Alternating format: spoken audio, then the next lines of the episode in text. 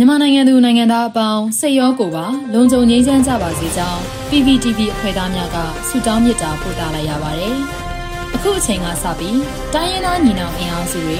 ပြည်သူ့ကာကွယ်ရေးတပ်မတော် PDF တပ်သားတွေနဲ့ပြည်သူလူထုတို့ရဲ့အရှိန်အဟုန်မြင့်လာတဲ့တိုက်ပွဲသတင်းတွေကိုစူးစီးတင်ဆက်ပေးသွားမှာဖြစ်ပါတယ်။ကျမຫນွေဦးလင်းအိမ်ပါ။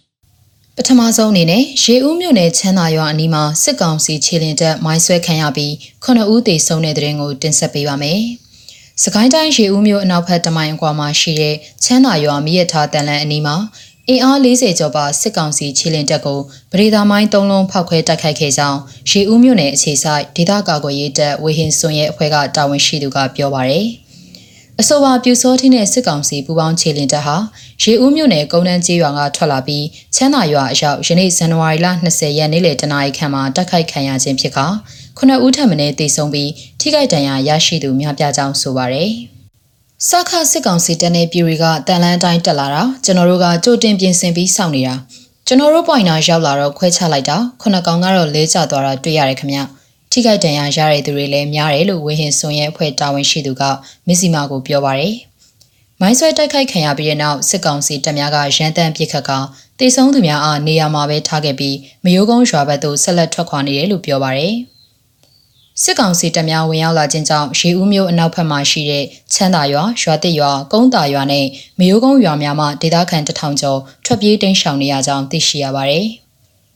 စကိုင်းတိုင်းအတွင်းစစ်ကောင်စီတပ်များနေရာအနှံ့ဖြန့်ခွဲကစစ်ကြောင်းထိုးနေပြီးဒေသခံကာကွယ်ရေးတပ်များကထိတ်တိုက်တိုက်ခိုက်ခြင်းမရှိဘဲမိုင်းဖောက်ခွဲကပျောက်ကြားတိုက်ခိုက်နေကြောင်းဝေဟင်စွန်ရဲ့အဖွဲ့တာဝန်ရှိသူကပြောပါရယ်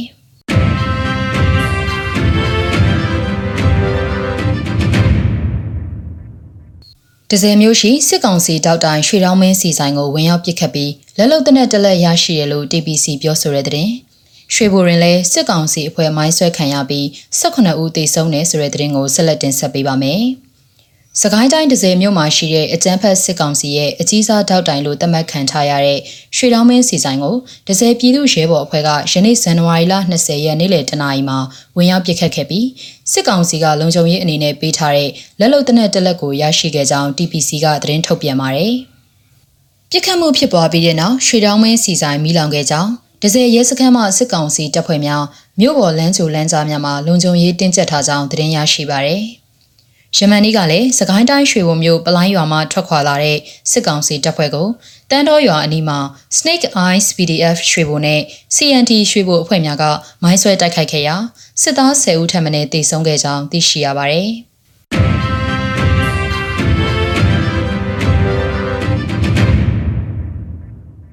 နောက်ဆုံးအနေနဲ့အမျိုးသားညီညွတ်ရေးအစိုးရပြည်ထရေးနဲ့လူဝင်မှုကြီးကြပ်ရေးဝန်ကြီးဌာနက2022ခုနှစ်ဇန်နဝါရီလ20ရက်ရက်စွဲနဲ့ထုတ်ပြန်တဲ့ပြည်သူ့ခုခံတော်လှန်စစ်တရင်အချက်အလက်တွေကိုတင်ဆက်ပေးသွားမှာပါ။အာနာသိန်းအကြံဖက်စစ်အုပ်စုရဲ့ပြည်သူလူထုအပေါ်အကြံဖက်ဖိနှိပ်ဖန်ဆီးတိုက်ခိုက်တပ်ဖြတ်နေမှုတွေကိုပြည်သူလူထုတရက်လုံးကအသက်ရှင်တန်ရေးအတွက်မိမိကိုယ်ကိုမိမိခုခံကာကွယ်ပိုင်ခွင့်အရာ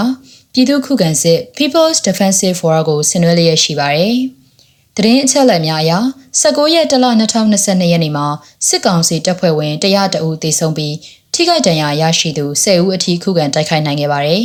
။ဆီယနာရှင်စနစ်မြန်မာမြေပေါ်မှာအပြီးတိုင်ချုပ်ငြိမ်းရေးနဲ့ Federal Democracy တည်ဆောက်ရေးအတွက်ငြင်းချမ်းစွာဆန္ဒပြတဲ့လူလူတပိတ်တိုက်ပွဲများကပြည်내နဲ့တိုင်းဒေသကြီးများမှာဖြစ်ပွားပေါ်ပေါက်လျက်ရှိပါတယ်။မြေပြင်မှာယခုတွေ့ရတဲ့သတင်းအချက်အလက်များထက်ပို၍ဖြစ်ပွားနိုင်ပါတယ်ရှင်။ Yeah, oh, oh, oh, yeah, me. Yeah, oh, Miami.